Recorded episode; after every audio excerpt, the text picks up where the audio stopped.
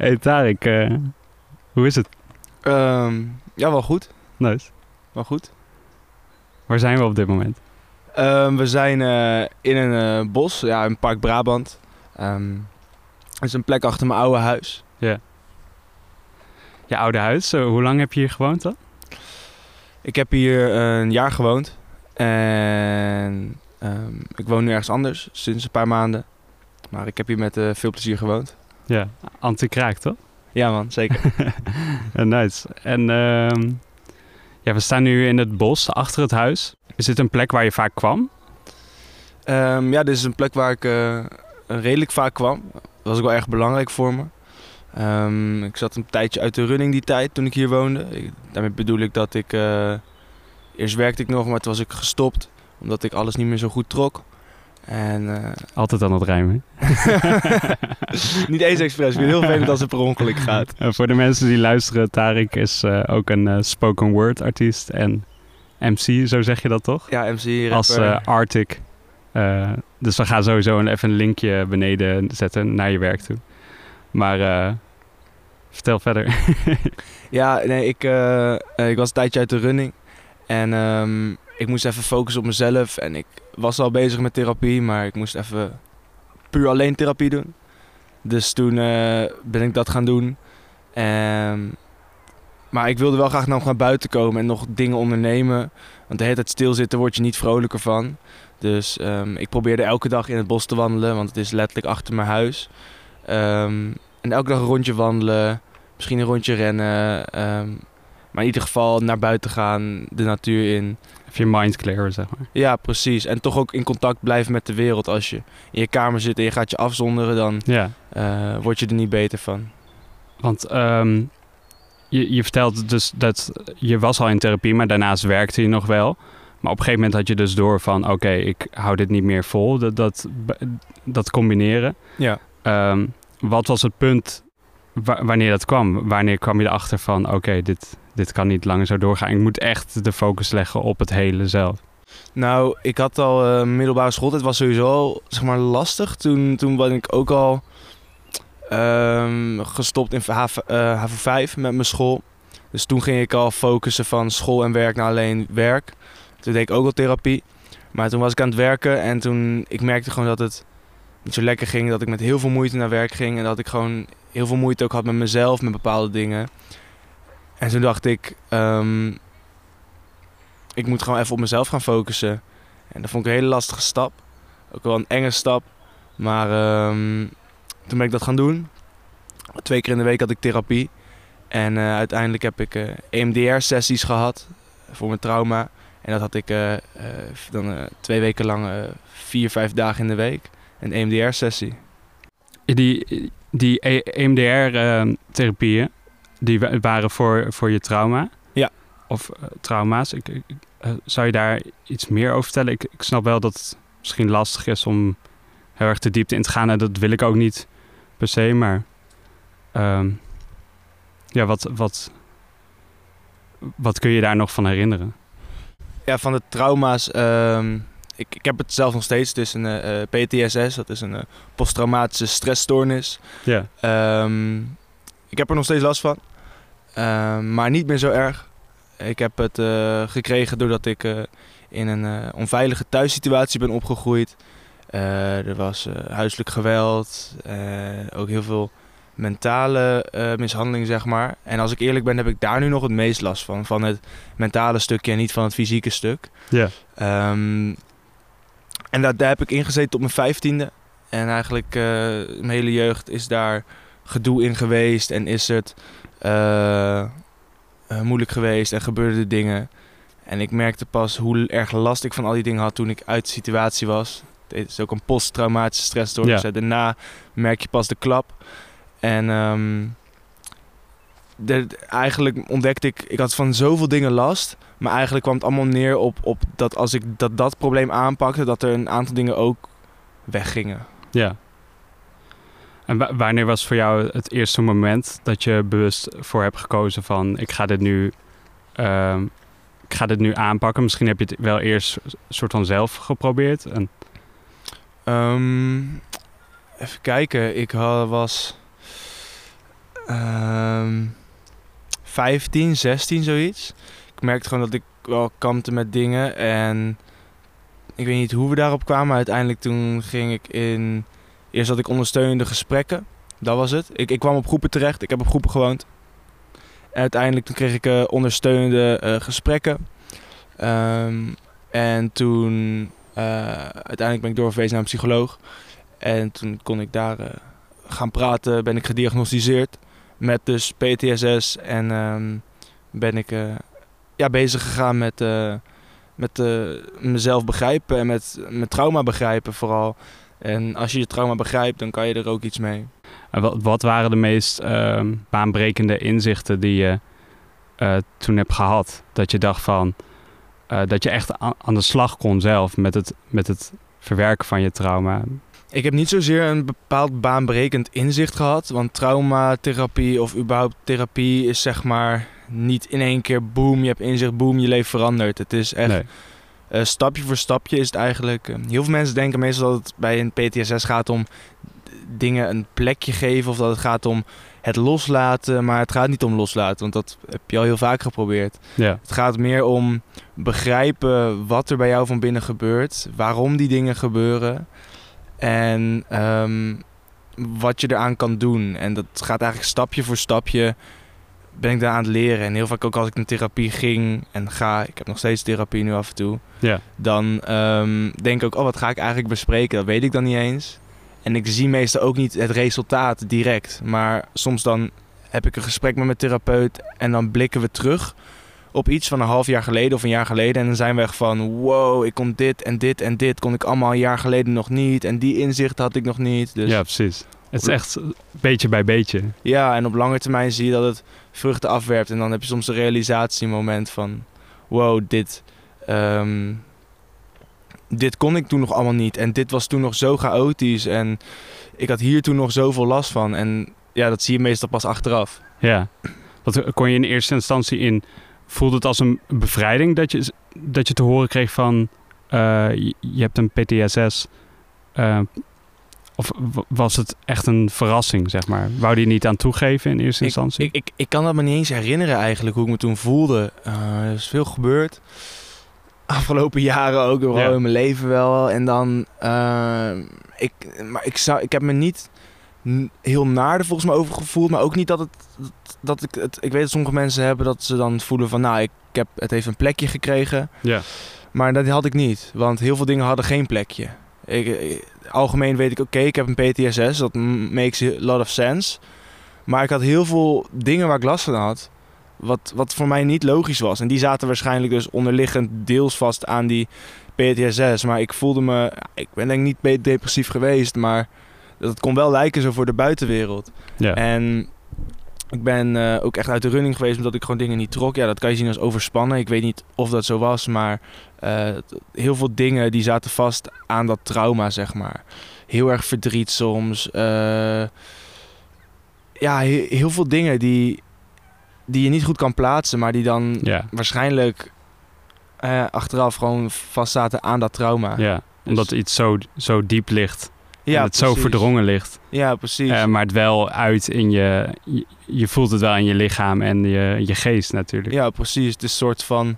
Hè, dat, dat trauma is, een- is, een, is een hele lelijke bloem die ooit is geplant vroeger. Ja, En door al die jaren heen, omdat die bloem maar bleef bestaan, dus die problemen, heeft die bloem allemaal wortels gekregen. En, en al die wortels, dat zijn al die dingetjes. Dus eh, dat verdriet, eh, zomaar heel veel boosheid voelen, heel depressief voelen, eh suicidaal voelen. Al die dingen kunnen aan het trauma vastzitten. ja, betekent niet dat als trauma weg is, of je hebt traumatherapie gedaan, dat al dat gevoel weg is, maar wel minder of controleerbaarder. ja. Ehm, maakte je toen ook al muziek? Ja, ja, Ja? ja. ik, eh, ik schrijf al sinds mijn twaalfde zoiets. Dat kwam dus voornamelijk om me te uiten, echt mijn gevoel te uiten en zo, over de situatie. En ehm, dat heeft mij ook wel echt heel erg geholpen. Eh, ik moet terugdenken aan die aflevering met Mindset. Daar had je het eh, ook met Manu over. Dat je het creatieve gebruikt, zeg maar, om emoties te verwerken of trauma's. Ehm, maar jij schreef eigenlijk al teksten op Eh, zonder dat je eigenlijk doorhad dat het eh, raps waren of spoken word. Ja. Ja. Ja, zeker, zeker. En dat heeft mij wel echt, eh, echt geholpen door de tijd heen. En ehm, het was gewoon een uitlaatklep. Ik merk wel dat ik hem tegenwoordig wat minder gebruik. Maar als je dan zoveel opgekopte gevoelens hebt en je kan het niet uiten... en het lukt je ook niet om dat bij iemand te uiten, bij een andere persoon... ehm, dan, dan is het heel, heel moeilijk ehm, om er iets mee te doen. Dus toen ging ik ging maar gewoon eh, teksten schrijven en dat hielp me. Het was Ja. als, alsof ik, eh, als ik schreef, dat, dat, dat het echt letterlijk vanaf mijn, van, van mijn chest, van mijn hoofd naar het, naar het papier ging. Dan was het weg, even bij mij was het weg. En want je geeft nu ook eh, regelmatig workshops, toch? Op scholen voor, met kinderen. Ja. Wat is dan het allerbelangrijkste voor jou wat, wat, je, wat je kids en nu ook zeg maar de luisteraars... Wat wil je op zo'n moment meegeven? Wat is je belangrijkste boodschap op zo'n moment? Ehm, qua muziek probeer ik te laten zien dat muziek en rap ook meer is dan het stereotype beeld. En dat rap heel veel dingen kan. En dat je er heel veel dingen mee kan en ook dingen mee kan bereiken. Ja. Ehm, dat, dat, ik wil laten zien dat muziek een uitlaatklep is. En dat het krachtig is om je kwetsbaar op te stellen. En dat laat ik hun ook dan zien door mij kwetsbaar op te stellen voor de klas. Ja, Ehm, en ik wil ze laten inzien dat een, een uitlaatklep gewoon heel belangrijk is om te vinden. Eh, daar gebruik ik rap als middel en ik probeer hun hun verhaal te laten vertellen. Eh, ik probeer hun eh, open te laten stellen en die grote muur om zich heen weg te doen. Want zelf had ik dat vroeger ook, een hele grote muur om me heen. En ehm, dat vertel ik ook tegen ze. En ik hoop dat, dat, dat iemand hè, die ik dan heb in zo'n eh, klas, dat iemand daardoor dan wordt geïnspireerd en zijn uitlaatklep vindt. En Ja. dat kan teksten schrijven zijn, maar dat kan ook eh, dansen zijn of theater of eh, gaan eh, sporten of zo. Voor mij Ja. was het kickboksen ook bijvoorbeeld een hele belangrijke, wat ik eh, van mijn vijftiende heb eh, gedaan. En ja, weet je, je moet, mentaal moet je energie kwijt, maar fysiek ook. En eh, daarin raakte ik mijn eh, fysieke energie en eh, frustratie heel goed Ja.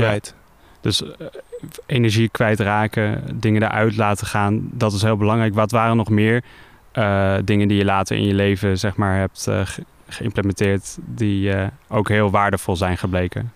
Bijvoorbeeld een vast schema of een... eh, Ehm, voor mij is, vond ik sowieso belangrijk wat ik heb geleerd is meer naar jezelf luisteren. Als in goed pak op tijd je rust. Ehm, zoek ook je uitlaatklep en ook luister naar je lichaam. En dat heb ik geleerd. Ik wist eerst niet wat dat betekende. Als therapeut dat zei van luister naar je lichaam. Ik snapte dat niet. Eh, maar ik ben dat eens gaan leren. En als ik me gestrest voel, dan moet ik even gaan sporten soms. En niet denken, oh nee, ik ga nu door met school, want ik moet af hebben. Nee, als het niet gaat, dan gaat het niet. Luister naar jezelf, luister naar je lichaam. Even gaan sporten. Ehm, het is vooral heel erg belangrijk om met jezelf in contact te zijn. En dat, dat was ik niet. En dat klinkt misschien zweverig, maar... ja, Ja, vind ik helemaal niet. voel, voel wat, ga, ga even bij stilstaan wat je voelt. eh, bij wat je denkt en wat je nodig hebt. Eh, en ik denk dat het belangrijk is om op tijd je rust te nemen. Open te zijn over wat er bij je gebeurt. eh, en communiceer met je omgeving en vraag ook hulp. Want meestal is je omgeving echt de beroerdste niet. kan zijn dat je uit een nare omgeving komt, maar meestal is er echt wel iemand die je kan helpen. En anders zijn er altijd instanties en dingen die je kunnen helpen. Ja. Maar eh, je hoeft het niet allemaal alleen te doen. Nee. Ja, dat vind ik heel mooi dat je dat zegt, inderdaad. Dus eh, gewoon open zijn over je issues. En als er mensen zijn die je daar niet bij willen of kunnen helpen, dan is dat ook goed. Want dan weet je dat. eh, Ja. en dan kun je dat ook afstrepen, zeg maar. Ja, ik had vroeger bijvoorbeeld niet veel mensen om me heen om over mijn mentale problemen te praten. Eh, maar ik had wel therapie. Weet je, dat is gewoon een vrouw die je wordt aangewezen en daarmee moet je dan gaan praten. Aan het begin heel onwennig, maar nu kan ik daar alles vertellen. Eh, maar ik heb onderhand ook een fijne kleine cirkel om me heen met mensen eh, die ik ook kan bellen als ik me minder voel. En hun kunnen mij ook bellen als ze me minder voelen. En Ja. we staan voor elkaar klaar. En ehm, dat is heel, heel mooi. Nice man. Ik, eh, ik denk dat we al een beetje kunnen afronden. Ehm, wat, eh, wat zou je mensen nog willen meegeven die op dit moment eh, luisteren en misschien in een soort gelijke situatie eh, zitten als wa- wat jij hebt gezeten? Wat, wat denk je dat be- belangrijk is voor die mensen om nu te weten? Of wat zou je willen meegeven? Ten eerste wil ik me- meegeven dat het, het gevoel wat je nu hebt, dat blijft niet eeuwig. Ehm, ik, ik, mij is altijd gezegd dat de situatie zo beter werd. En het is jarenlang niet beter geworden. En eh, de afgelopen jaren gaat het pas een klein beetje, eh, gaat de lijn echt goed omhoog. Maar daarvoor had ik dat niet. Maar ik heb wel hoop blijven houden. Ehm, dus blijf volhouden, blijf doorzetten. Geef niet op. En ehm, doe het niet in je eentje. Je hoeft niet in je eentje door te zetten. Maak gebruik van instanties. Maak gebruik van familie en vrienden die er voor je willen zijn. Ehm, want dingen kunnen gewoon heel moeilijk zijn. En probeer erover te praten. En probeer je te vinden. Luister naar jezelf. Probeer ook de mooie dingen te zien. Want hoe naar je je ook voelt. Er zijn ook nog mooie dingen. En die probeerde ik dus hè, bijvoorbeeld in dit bos hier te zien. Dan voelde ik me heel rot. Maar dan dacht ik, hé hey, weet je, wij hebben hier op zijn minst nog een heel mooi bos. En ik leef in veiligheid. En ik heb elke dag te eten. In heel veel landen hebben ze niet elke dag te eten. Geen veiligheid. En ook niet zo'n mooi bos waar je kan wandelen. Dus Nee. probeer ik toch weer een stukje ook de positieve kant te belichten. Ja, Zonder het negatieve weg te drukken. het kleine waarderen. Ja, Dankjewel man. alsjeblieft. Ja, ik heb Tarek even eh, voor het blok gezet. Ik, eh, ik heb gevraagd of hij een, eh, een stukje spoken word wil optreden hier midden in het bos. En dat gaat hij nu doen. Het is vroeger dan ik gewend ben. Het is half zeven. Ik hoor de vogels fluiten en de zon die komt op. Ik loop door mijn kamer. Ik doe mijn gordijnen open en ik geniet van de zon. De lucht. Het moment. Dit ben ik niet gewend. De rust in mezelf is wedergekeerd en dat is wat ik zoek. Ik pak een kop thee, een boek en begin te lezen. En alle woorden die ik lees, die spreken mij deze keer niet tegen. Dit voelt fijn. Een positieve mind. Twee weken geleden leek ik nog een totaal ander mens. Alleen het ritme is veranderd. Toen zat ik depri op mijn bankje. En een jaar daarvoor zat ik veel te blowen, maar wat verwacht je? En een jaar daarvoor zat ik veel te veel te blowen, maar wat verwacht je? Van een jongen zoals ik. Ik ben niet perfect. Ik leer van mijn les.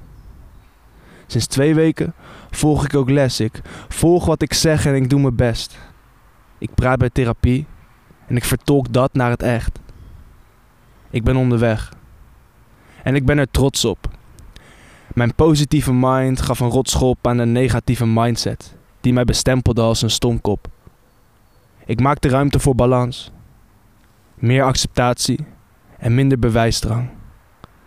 Ik zit niet aan de drank, ik doe mijn laptop open, ik pak een theetje en ik ontspan. Maak muziek, doe mijn school, geef mijn positieve mind tot ontwikkelen een kans.